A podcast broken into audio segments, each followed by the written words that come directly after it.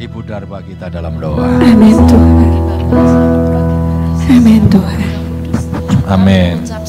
Haleluya. kesempatan ini masih Haleluya, Yesus. kami Haleluya. anak-anakmu berbakti kepada Engkau ya Bapak. Terima kasih Tuhan. Puji-pujian ya Tuhan yang sudah kami naikkan. Berkenan di hadapan Haleluya. Yesus. Engkau berada di dalam pujian. Berkatilah Tuhan kami ya Tuhan untuk hamba-Mu yang sebentar akan menyampaikan. Dalam nama. Yesus. Ya Yesus. datangnya daripada Engkau memuji dan memuliakan nama. Amin. Terima kasih ya Bapak, kami akan duduk diam mendengarkan firman Dalam nama Tuhan Dalam kami nama Yesus. Amin. Puji Tuhan. Silakan duduk. Selamat pagi. Selamat kita boleh kembali bertemu dalam kasih Tuhan Yesus Kristus. Bapak sudah diberkati? Amin. Allah yang kita sembah adalah Allah yang ajaib, yang luar biasa, yang boleh menolong kita semua. Puji Tuhan. Pagi yang indah ini kita akan bersama-sama mendengarkan firman Tuhan. Tema firman Tuhan kita pada pagi yang indah ini kunci berkat. Amin. Yang namanya berkat pasti menyenangkan saudara ya. Waduh banyak orang uh, mengharapkan berkat dan ternyata memang persoalan berkat ini menjadi persoalan bukan hanya pada era sekarang saja. Tapi era zaman dulu bahkan era-era Tuhan Yesus itu sudah menjadi persoalan. Banyak orang yang mengkhawatirkan tentang berkat-berkat ini. Ya, tetapi kita mau melihat kunci berkat menurut kebenaran firman Tuhan itu seperti apa. Sehingga kita jangan sampai salah saudara. Banyak orang mencari berkat akhirnya nggak berdapat dia marah seperti kitab Yakobus saudara ya kita Yakobus ya marah karena berdoa meminta nggak dapat marah saudara nah, saya kira percaya itu juga sering kali mewakili kita. Kita sering kali bertanya Tuhan aku jaluk iki doa iki tahu di kei gitu saudara sepertinya kita ini lebih tahu daripada Tuhan. Padahal firman Tuhan katakan apa? Tuhan itu membuat segala sesuatu indah pada waktunya. Tetapi kita ini tidak dapat menyelami apa yang dikerjakan Allah dari awal hingga akhir. Tuhan itu pasti memberikan sesuatu yang terindah untuk hidup kita karena Tuhan lebih tahu daripada kita. Kita berpikir ketika kita minta ini dan ketika itu dipenuhi itu sesuatu yang indah, itu sesuatu yang baik. Belum tentu saudara, ya belum tentu. Masih ingat ya, eh, apa namanya Raja Hizkia saudara pernah minta supaya dia diperpanjang usianya. Ya kan, diperpanjang. Akhirnya Tuhan kasih perpanjang 15 tahun. Tetapi diperpanjang 15 tahun itu rohaninya turun. Ya, rohaninya turun. Itulah sering kali manusia, Saudara. Ya, contohnya lagi ya eh, Abraham, Sarah, ya. Ketika Tuhan janjikan bahwa tu, eh, dia akan mendapatkan keturunan dan keturunannya seperti bintang di langit, ya, pasir di laut. Lalu, eh, tapi Tuhan berkata itu akan dapatnya dari Sarah, bukan dari orang lain. Nah, tetapi pada waktu itu kan secara konteks manusia, ya Sarah ini sudah mati haid. Ya, mati haid itu sudah tidak mungkin bisa punya anak, saudara ya sudah menopause. Dan yang kedua dia ini mandul, sehingga dia tidak punya anak. Sehingga ketika Sarah mendengar itu dia ketawa. Nah, dia nggak nggak percaya sudah makanya dia, mereka mencoba mencari solusi, solusinya sendiri yaitu diberilah Hagar. Ya, Hagar ini budak saudara. Memang aturan pada zaman dulu yang namanya budak, apa yang dihasilkan oleh budak itu menjadi milik tuannya. Termasuk ketika budak ini punya anak, maka anak dari budak itu menjadi milik tuannya. Nah sudah tahu akibatnya kan fatal. Nah, bukan itu yang terbaik, itu cara Tuhan. Memang kadang kita itu tidak sabar menanti-nantikan pertolongan Tuhan. Ya, sering kali kita nggak sabar, lalu kita mencoba mem- memikirkan konsepnya itu seperti maunya kita. Mari kita baca dulu dalam Matius 6 ayat 33, ayat yang sering kali kita sudah dengar saudara ya, tetapi ini menjadi dasar, menjadi landasan pemberitaan firman Tuhan pada pagi yang ini. Mari saya undang kita bangkit berdiri bersama-sama. Kita membaca ayat ini, Matius 6 ayat yang ke-33. Ya, Matius 6, 33, kita akan baca bersama-sama.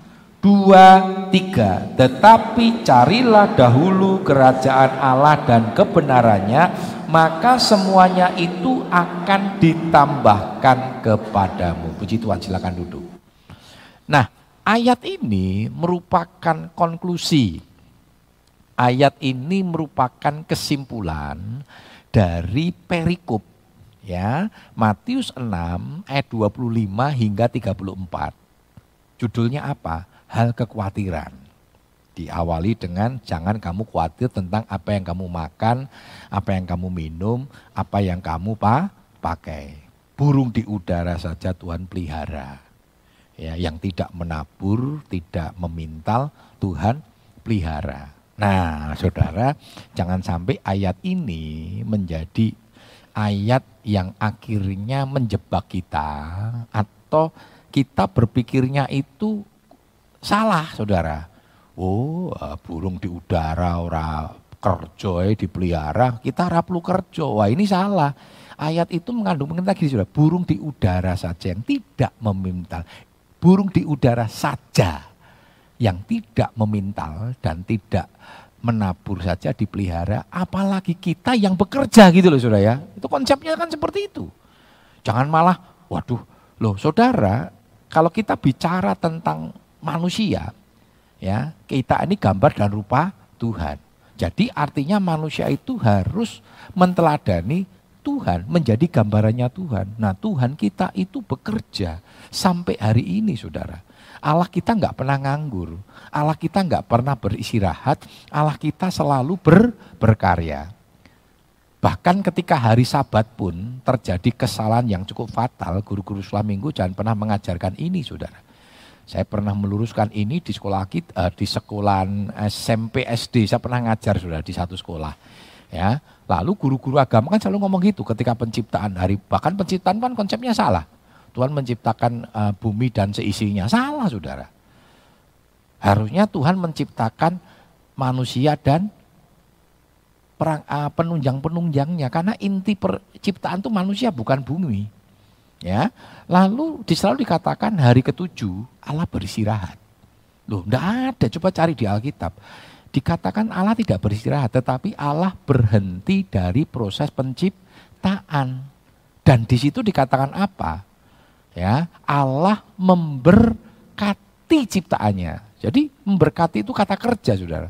Allah berkarya. Nah hari Minggu bukan berarti kita nggak nggak kerja, saudara. Ya kita ini kan apa menyembah mengagungkan Tuhan tetap saudara walaupun hari Minggu juga nggak masalah kalau zaman Israel nggak boleh saudara sampai hari ini orang Israel hari Sabat hari Sabat itu mulai hari Jumat sudah Jumat jam 6 itu itu masuk Jumat jam 6 lebih 01 itu hari Sabat.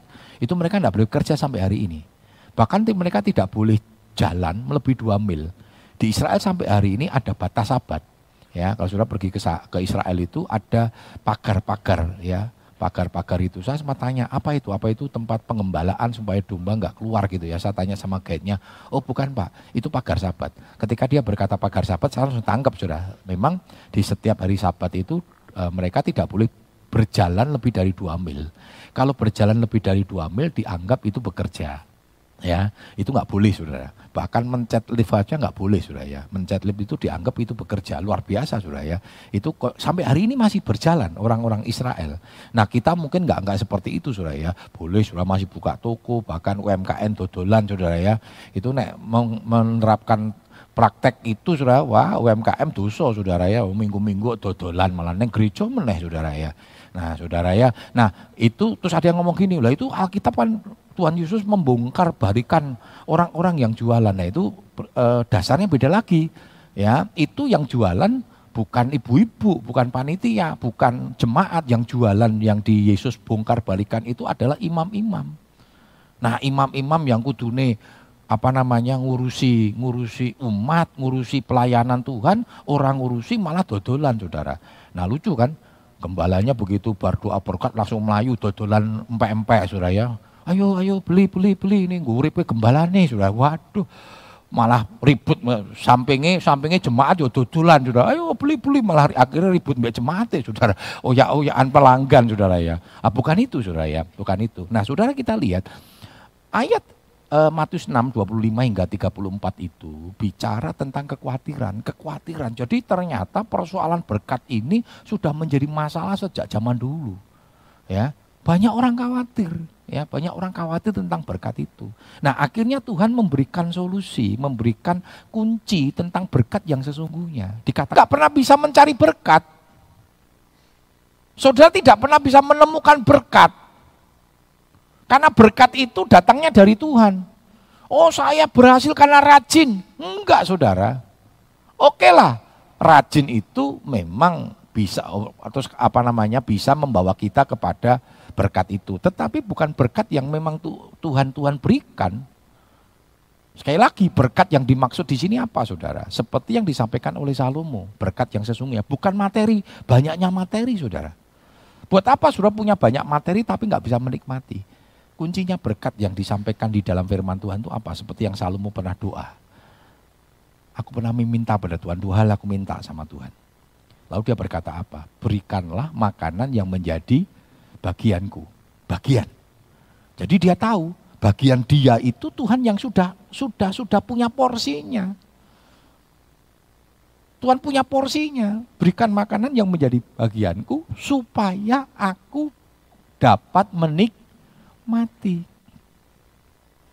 Supaya aku dapat menikmati. Jadi kunci berkat itu supaya dinikmati. Buat apa kita terima berkat tapi nggak pernah menikmati. Seperti pengkhotbah katakan apa. Ada orang diberikan kuasa memiliki tetapi tidak diberikan kuasa menikmati. Loh, saudara punya baju yang banyak saudara. Saudara pakainya satu atau lima? Nggak mungkin toh saudara datang ke gereja limo, yang nganggo limo. Engko begitu datang sampai depan gereja dibuka siji, betone. Engko begitu linggih dibuka neh, abang. Engko firman dibuka neh kuning. Kan tidak mungkin saudara. Ya cuma satu, walaupun saudara. Ya saya ini sekarang bukannya sombong saudara. Baju saya banyak saudara. Bukan karena tuku. Mungkin karena jemaat memperhatikan saya saudara. Sehingga sering kali, apalagi naik Natal saudara. Batik terus saudara Sing apik meneh e kain. Ya, seneng sudah ya. Ning nek dandake kain kan larang. Dadi ini ditumpuk banyak saudara. Belum lagi nanti wali kota nek Natal dikasih batik. Silo tigo itu banyak sekali saudara. Nanti acara Natal dapat dari wali kota, dapat dari sekda, dapat dari ketua DPRD, batik meneh ya nanti acara apa kita diundang ada ada tulisannya nanti datang dapat bingkisan. Saya betik sama teman di sebelah pendeta kok mesti batik? Tenan batik meneh saudara. Ya Wah, Natal tuh semua batik seneng saudara. Sampai banyak. Loh dulu saudara di Solo waktu saya sih ngerintis ya baju saya nggak banyak saudara. Minggu meh ibadah ora pusing. Alah ora oke sekarang mumet saudara. Nganggo apa ya saudara? Jase oke Ya, karena berkat bukan wah bagus itu kuai, wah nek tuku eman-eman sudah. Berkatnya banyak.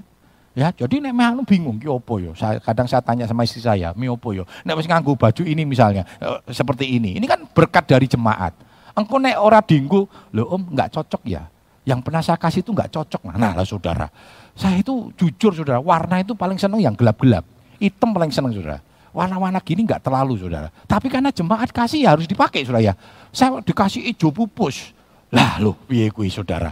Ya dingko kudu, ora dingko ke jemaat. Om ndak suka ya. Om ndak suka. Saya harus menghormati saudara. Ning nek sepatu aja hijau pupus ora saudara ya. Nek ngeki ora ngeki ora apa-apa, nek ora ngeki yo kebangetan gitu lah saudara. Sepatu hijau pupus, waduh jemaat anu gembala ini nganggo hijau pupus saudara. Nah, itu berkat saudara. Ya, cuma kan kita menikmati kan nggak bisa banyak, betul nggak saudara? Menikmati ya cuma satu. Raiso terus dinggo kabeh, nggak bisa saudara. Ya, jadi kuncinya itu seperti yang Salomo katakan, supaya aku dapat menikmati. Itu kuncinya saudara. Mintalah berkat yang dapat dinikmati. Nah, Bagian kita apa saudara? Bagian kita tadi cari dulu kerajaan Allah dan kebenarannya, maka semuanya, semuanya itu apa? Yang kita persoalkan di ayat atas saudara, yaitu masalah makan, minum, pakaian, itu akan ditambahkan, itu hanya bonus. Jangan takut saudara, nggak usah mikir ke. Ya, kami sama Bu Ika ini sebagai hamba Tuhan punya komitmen saudara. Sejak kami jadi hamba Tuhan ya kami tinggalkan semuanya. Orang golek duit, Orang rasa ngurusi duit. Saya tidak nyalahkan beberapa hamba Tuhan yang masih jualan, bahkan ada yang ngojek, saudara. Ya, ada yang ngojek. Ada teman pendeta ngomong gini, aku ngojek izin kenapa? Ternyata sing numpak iki jemaatku, sampai aku rawani ngomong. Jadi nganggu apa? Nganggu masker, kacamata hitam ditutupi karena sing numpak jemaate, saudara. Karo ngenyang meneh. Wah, repot, saudara.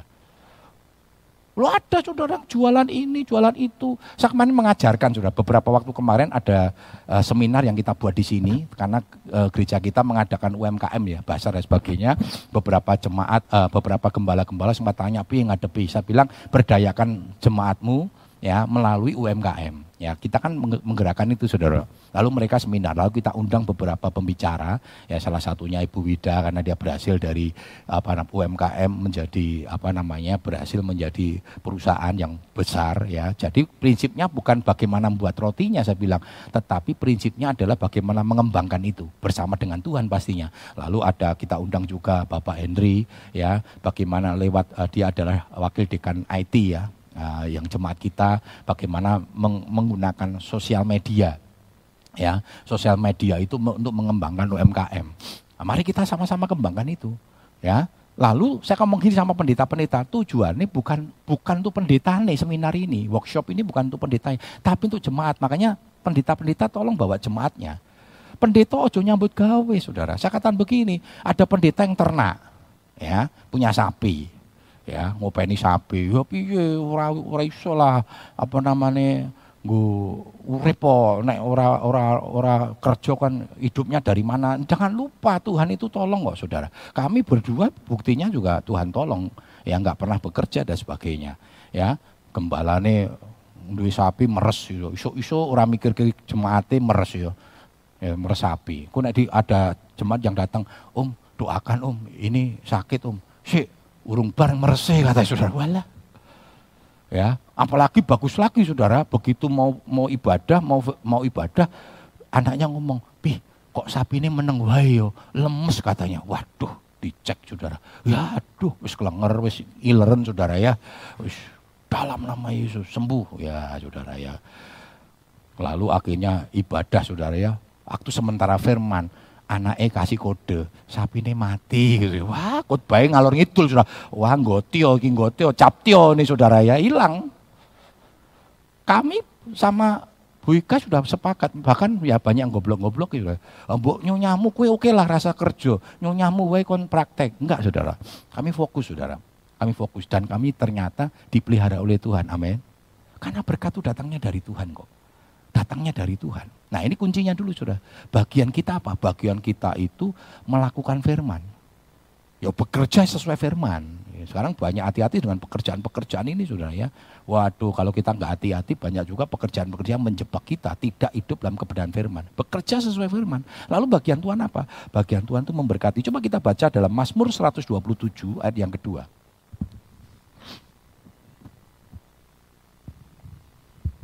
Mazmur 127 ayat yang kedua, demikian firmannya. Sia-sialah kamu bangun pagi-pagi dan duduk-duduk sampai jauh malam dan makan roti yang diperoleh dengan susah payah. Sebab ia memberikannya kepada yang dicintainya pada waktu tidur. Amin.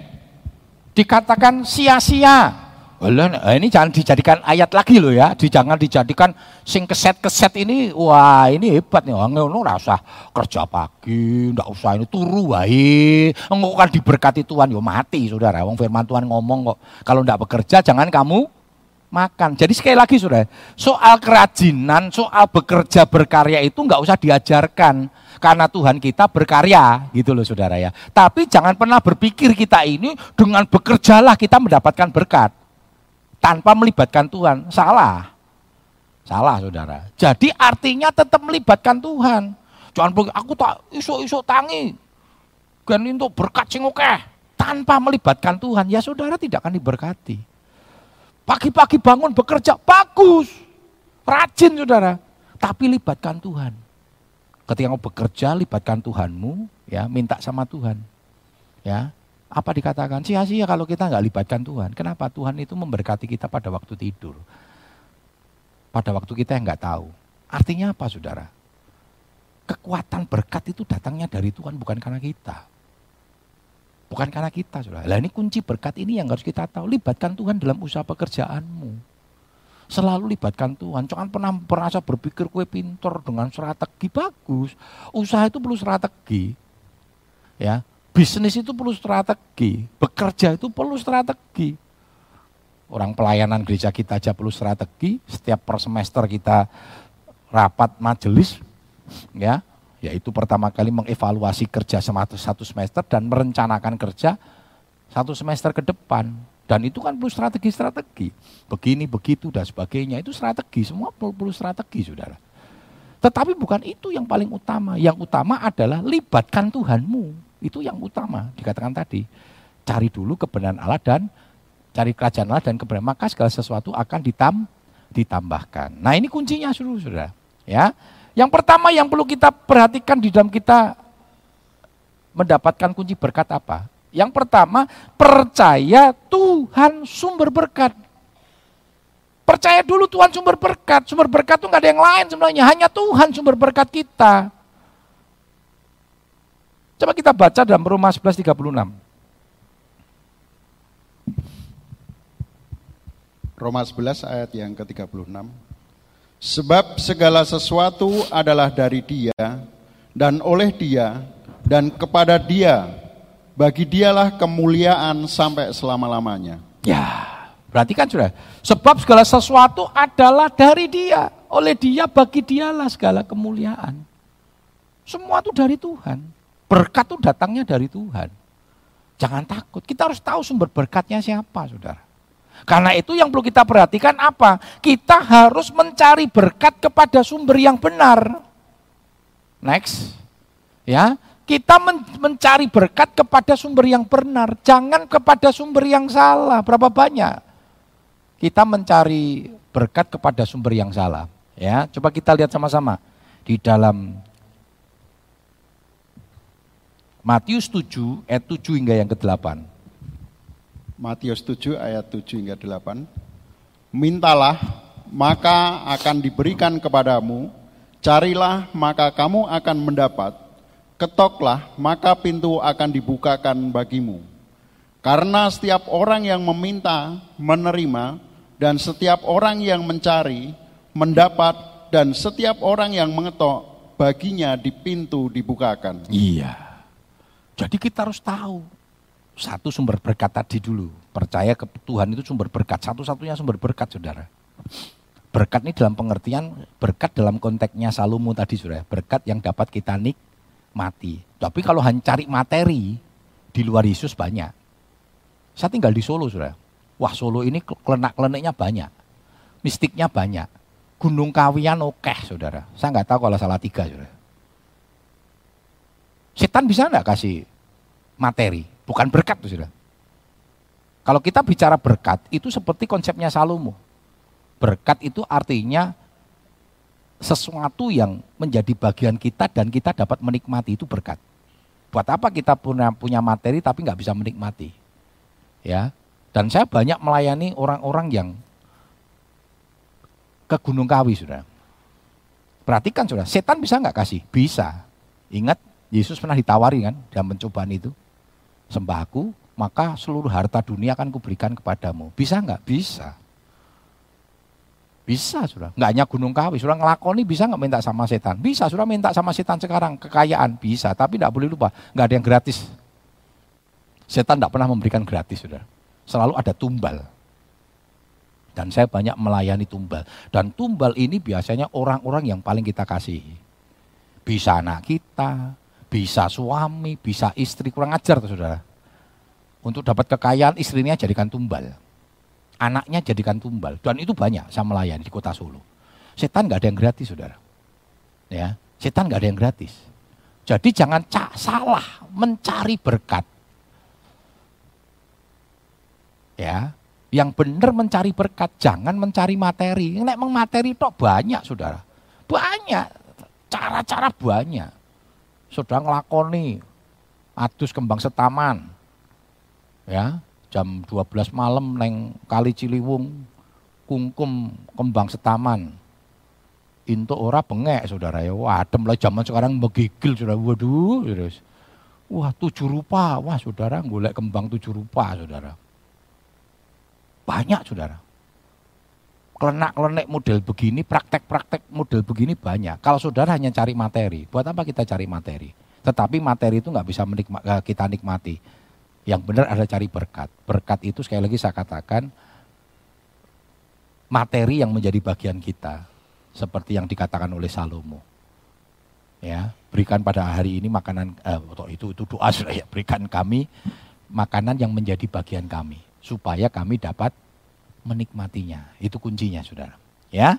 Itu kuncinya. Minta kepada siapa? Kepada Tuhan. Dia sumber berkat. Dan Tuhan tuh kalau ngasih berkat, saudara, berkatnya bisa kita nikmati. Maka nanti kalau kita lihat ayat selanjutnya dikatakan, Tuhan itu tahu, tidak mungkin anaknya minta roti dikasih batu. Minta ikan dikasih ular. Enggak, saudara. Tuhan kan memberikan yang terbaik. Bahkan kitab Lukas katakan bahwa Tuhan itu tahu memberikan yang terbaik. Bapak di dunia aja tahu memberikan yang terbaik. Apalagi Bapak di surga dikatakan. Dia akan memberikan yang terbaik untuk anak-anaknya. Bahkan dia memberikan roh kudus ya, luar biasa saudara.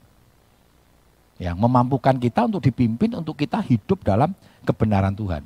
Jadi yang pertama percaya bahwa Tuhan itu sumber berkat saudara. Maka ketika sudah percaya sumber berkat, sudah tahu ke mana mencari berkat itu. Jangan cari berkat lewat di luar Tuhan Lalu yang kedua apa sudah? Takut akan Tuhan sumber berkat. Nah kalau sudah percaya sama Tuhan itu sumber berkat ya sekarang takut sama Tuhan. Hidup tadi dikatakan cari dulu kerajaan Allah dan kebenarannya. Coba kita lihat sama-sama dalam Mazmur 115 ayat 13.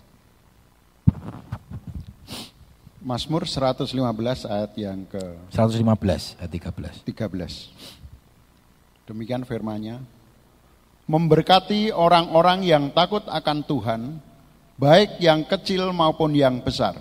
Iya, dikatakan Tuhan itu memberkati orang-orang yang takut akan Tuhan. Kalau engkau takut akan Tuhan, engkau akan diberkati. Ini bedanya, saudara. Saya bukan sombong, saudara. Saya dengan istri hanya belajar sejak kami ngerintis dulu. Kami hanya takut akan Tuhan. Kami di Jawa Tengah ini perintisannya termasuk singkat. Kalau soal melayani, saya sudah melayani sejak zaman SMP, SMA, saya jadi hamba Tuhan sejak tahun 89. Saya fokus melayani, saya jadi pengerja saudara. Selama satu tahun.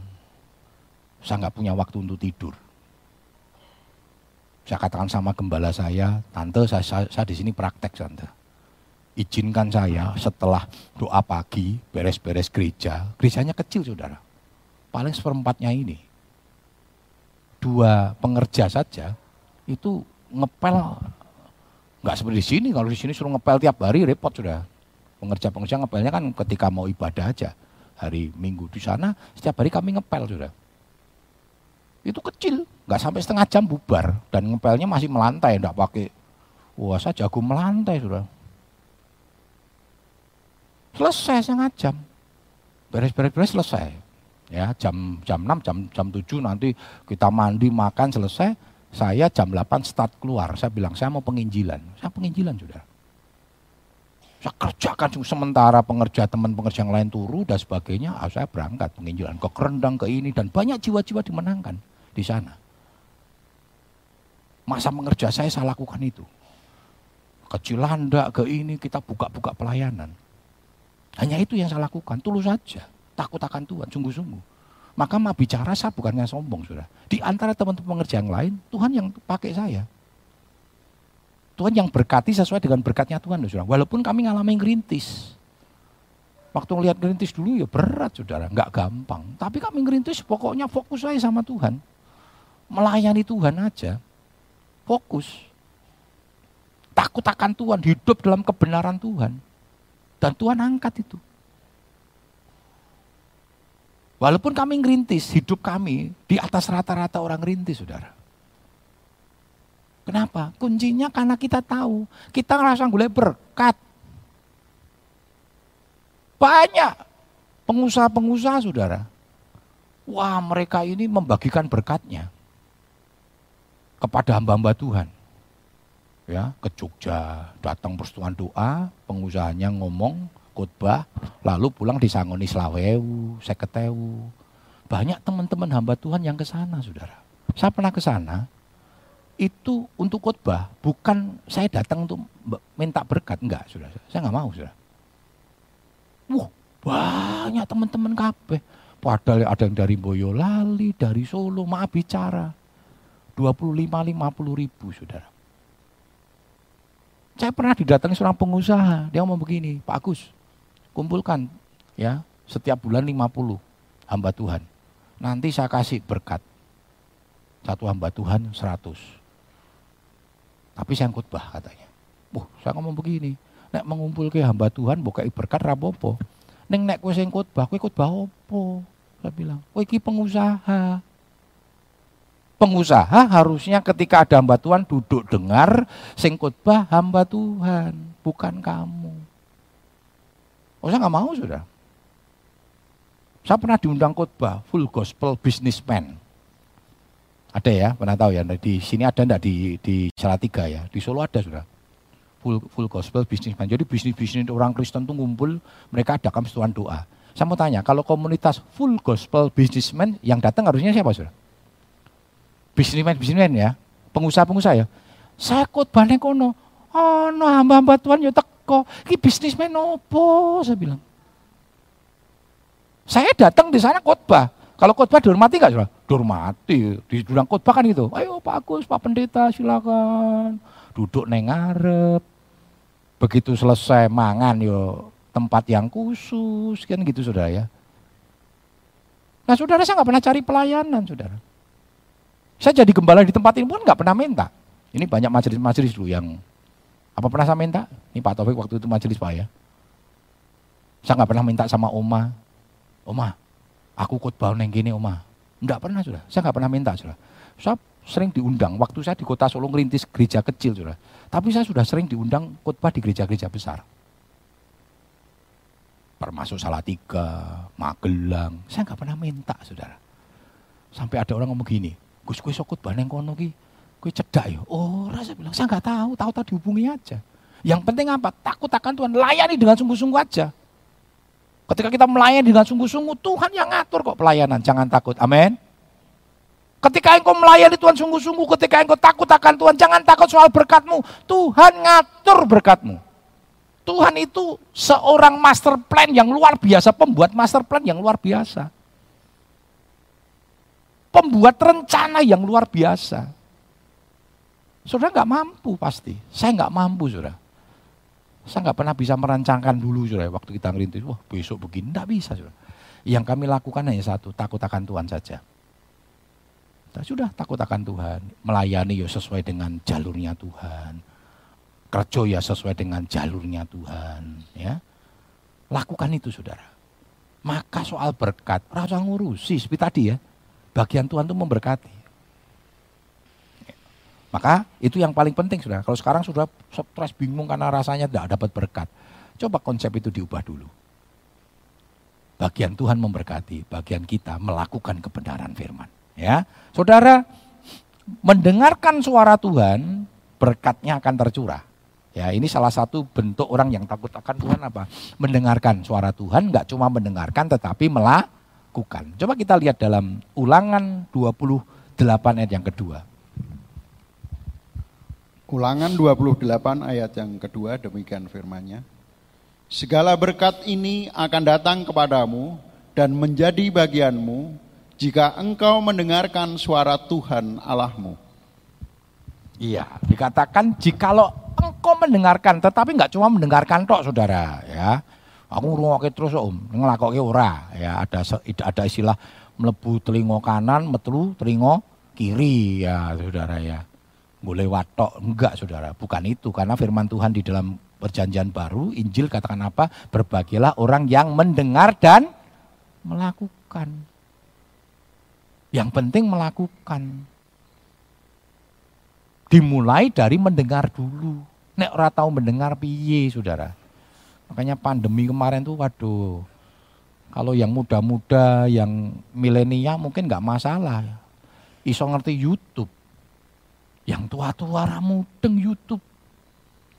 Dulu waktu awal-awal kita nggak nggak apa e, ibadah online sudah ya. Live streaming itu. Ada orang tua ngomong gini, "Om, aku raiso YouTube, Om." Orang mudeng YouTube. Orang mudeng live streaming. Pokoknya aku tetap datang, Om. Mbok seneni karepmu. Karena saya enggak ngerti. Berarti kan saya enggak bisa dengarkan firman. awal-awal itu Oma Mari sempat tanya sama saya, Oma, ngrungokke firman toh, live streaming toh, orang mudeng live streaming ngopo saudara? Orang tua. Terus dia ngomong gini, Gus, aku ngerminggu golek ini radio kok siluam ra ono, memang betani. Lu siluam ra radio, saya bilang. Dicari sama Oma radio nindi siluam kok suarane aku ra ono. Sing ono khotbah pendeta katanya.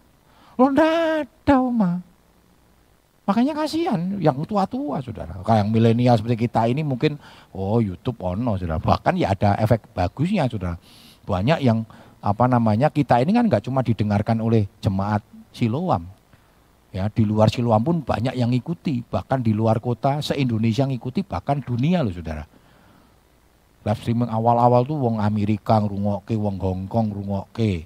Lihat, kita taunya dari komentarnya, Amerika siap, wah gembalane sing ngrungokke wong Amerika loh saudara.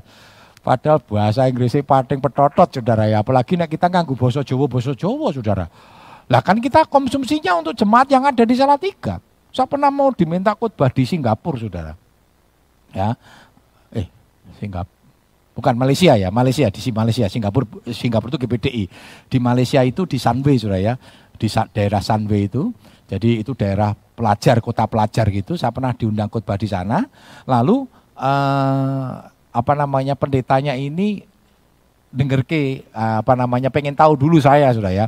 Lalu uh, dia lihat YouTube kita Ya, dulu belum belum live streaming saya ya kan sama uh, multimedia setiap saya khotbah, khotbahnya aja langsung dimasukkan ke YouTube ya. Lalu dia gini, lalu uh, dia hanya ngomong gini, "Pak, nanti kalau khotbah di Malaysia jangan pakai bahasa Jawa ya, Pak ya." Ya, logat sih boleh, sudah ya, logat sih boleh, tapi jangan pakai bahasa Jawa. Orang Malaysia ramudeng katanya, enggak ngerti karena dia denger kok saya sering kali pakai. Oh iya Pak, itu kan karena di di Solo Tigo, ya Solo Tigo itu kalau kadang ada istilah-istilah kalau enggak pakai bahasa Jawa enggak enggak, enggak enak saya bilang. Wah, jangan pakai bahasa Jawa katanya. Wah, luar biasa loh Saudara. Ya, bahkan masih sampai sekarang ini banyak mereka yang mengikuti kita di Jakarta keluarga dari istri itu apa keluarga-keluarga besan dari istri itu semua ngikutin ibadah kita ya. Mereka paling cerewet saudara ya. Oh nanti kalau pas ada gangguan dia WA langsung istri. Oh gangguan? Ya ini urak rungu suaranya Pak Agus begini. Saya pernah waktu khotbah batuk-batuk itu saudara ya langsung dia WA istri. Kok rano saya nggak ngombe toh kan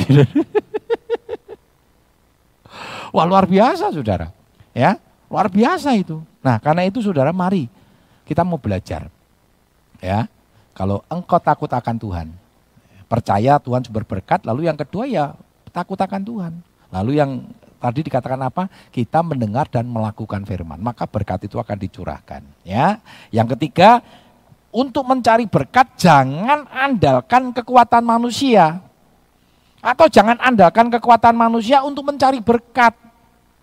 Seperti saya bilang tadi, rajin, strategi, boleh.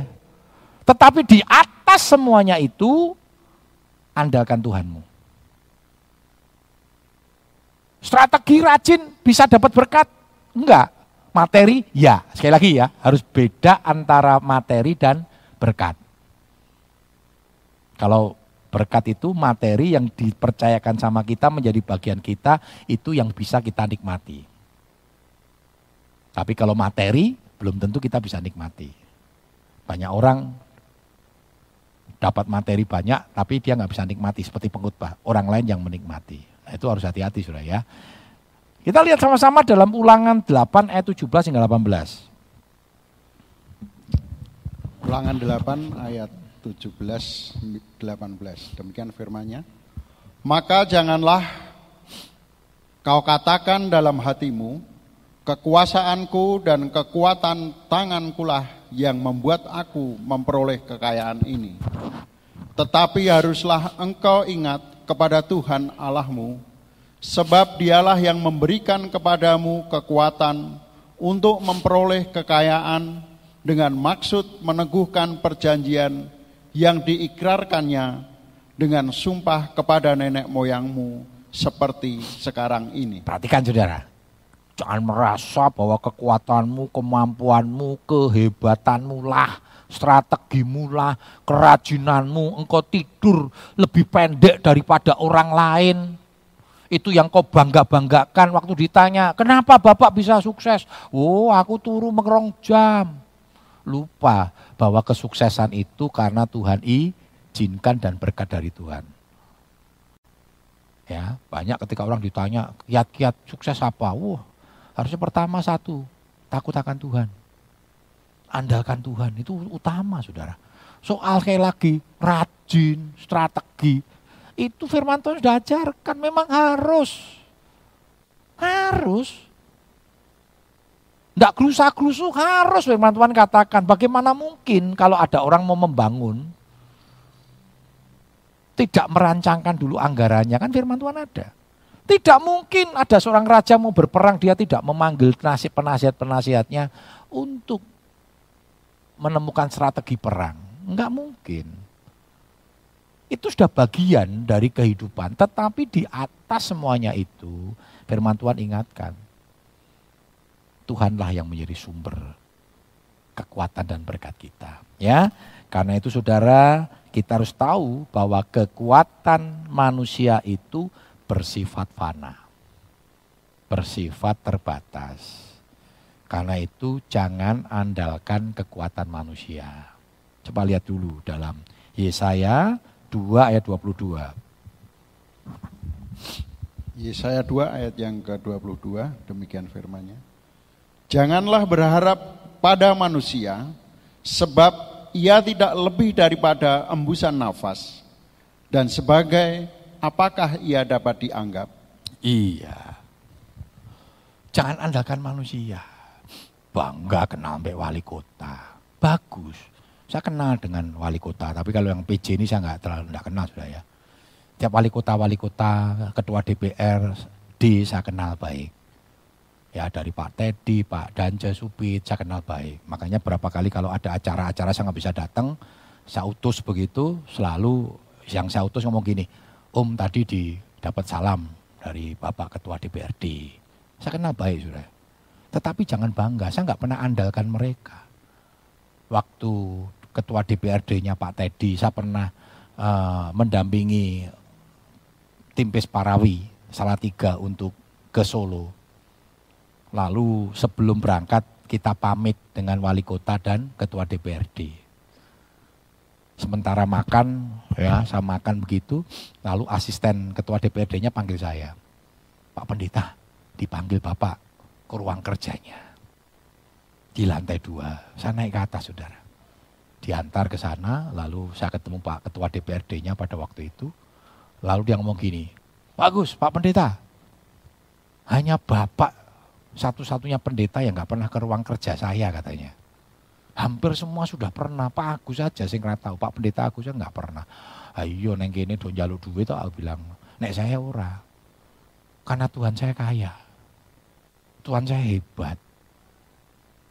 Udah mulai tunjukkan juga ini loh ruang kerja saya. Dari sinilah saya mengatur ya kebijakan-kebijakan bersama dengan wali kota. Saya hanya bilang begini pesan saya. Lakukan itu untuk Tuhan dan takut akan Tuhan.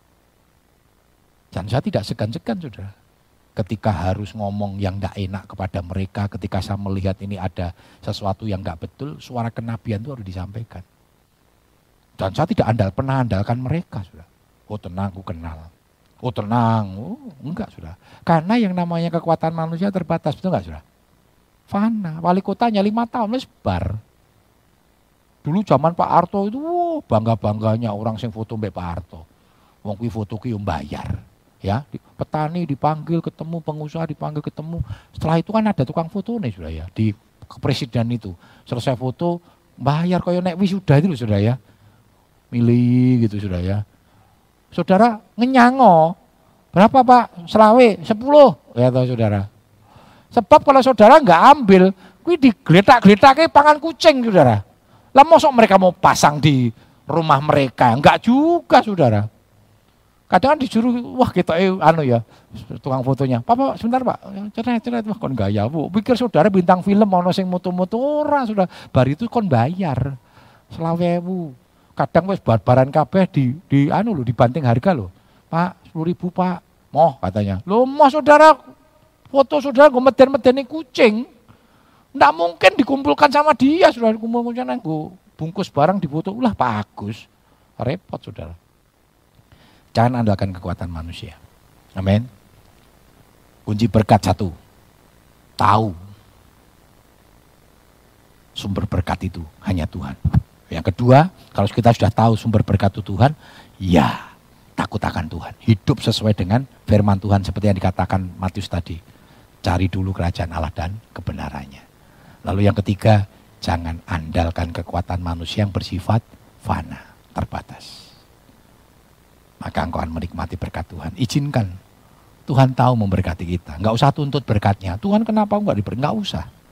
Lakukan apa yang menjadi bagianmu aja. Tuhan tahu bagaimana dia memberkati. Enggak usah sudah tuntut. Tuhan mengerti bagaimana Tuhan memberkati kita. Jangan takut saudara. Ada yang saat ini bingung dengan berkatmu. Khawatir dengan berkatmu. Bahkan khawatir tentang hari esok. Ayat 34 katakan apa? Jangan kamu khawatir tentang hari esok. Hari esok punya kesusahannya sendiri. Hari ini cukuplah. Bapak Yohanes bagi kita dalam doa. Amin. Haleluya Tuhan. Segala pujian syukur kami naikkan kepadamu Tuhan. Kalau engkau sudah memberkati kami pada pagi hari ini dengan berkat firmanmu Tuhan. Terima kasih Bapak engkau sudah ajarkan agar kami hidup di dalam kebenaran Tuhan. Untuk mencari kerajaanmu Tuhan. Yaitu tentang kebenaran firmanmu Tuhan. Mari tanamkan setiap firmanmu di dalam setiap kehidupan kami. Agar kami boleh melakukan apa yang menjadi kehendakmu. Hidup di dalam kebenaran firmanmu Tuhan. Melakukan kebenaran firmanmu. Sehingga kami hidup di dalam kebahagiaan bersama-sama dengan firmanmu Tuhan. Terima kasih engkau meteraikan setiap firmanmu di dalam hati kami. Agar kami boleh melakukan apa yang menjadi kehendakmu. Engkau memberkati hambamu yang sudah menyampaikan isi hatimu Tuhan. Engkau berikan kekuatan, bahkan engkau bukakan singkap-singkap uh, segala rahasia firmanmu Tuhan. Untuk mendidik setiap umat-umatmu. Bahkan mau dibawa kami untuk selalu dekat kepadamu Tuhan. Terima kasih Bapak engkau sudah memberkati kami semua pada pagi hari ini. Bahkan engkau sudah memberkati ibadah kami pagi hari ini. Engkau berkati seluruh jemaatmu, seluruh umat-umatmu dengan kuat kuasa roh kudusmu. Hanya di dalam nama Tuhan Yesus Kristus kami berdoa dan kami menyerahkan ibadah ini selanjutnya ke dalam tangan kuasamu. Dalam nama Yesus, haleluya. Amin. Amin.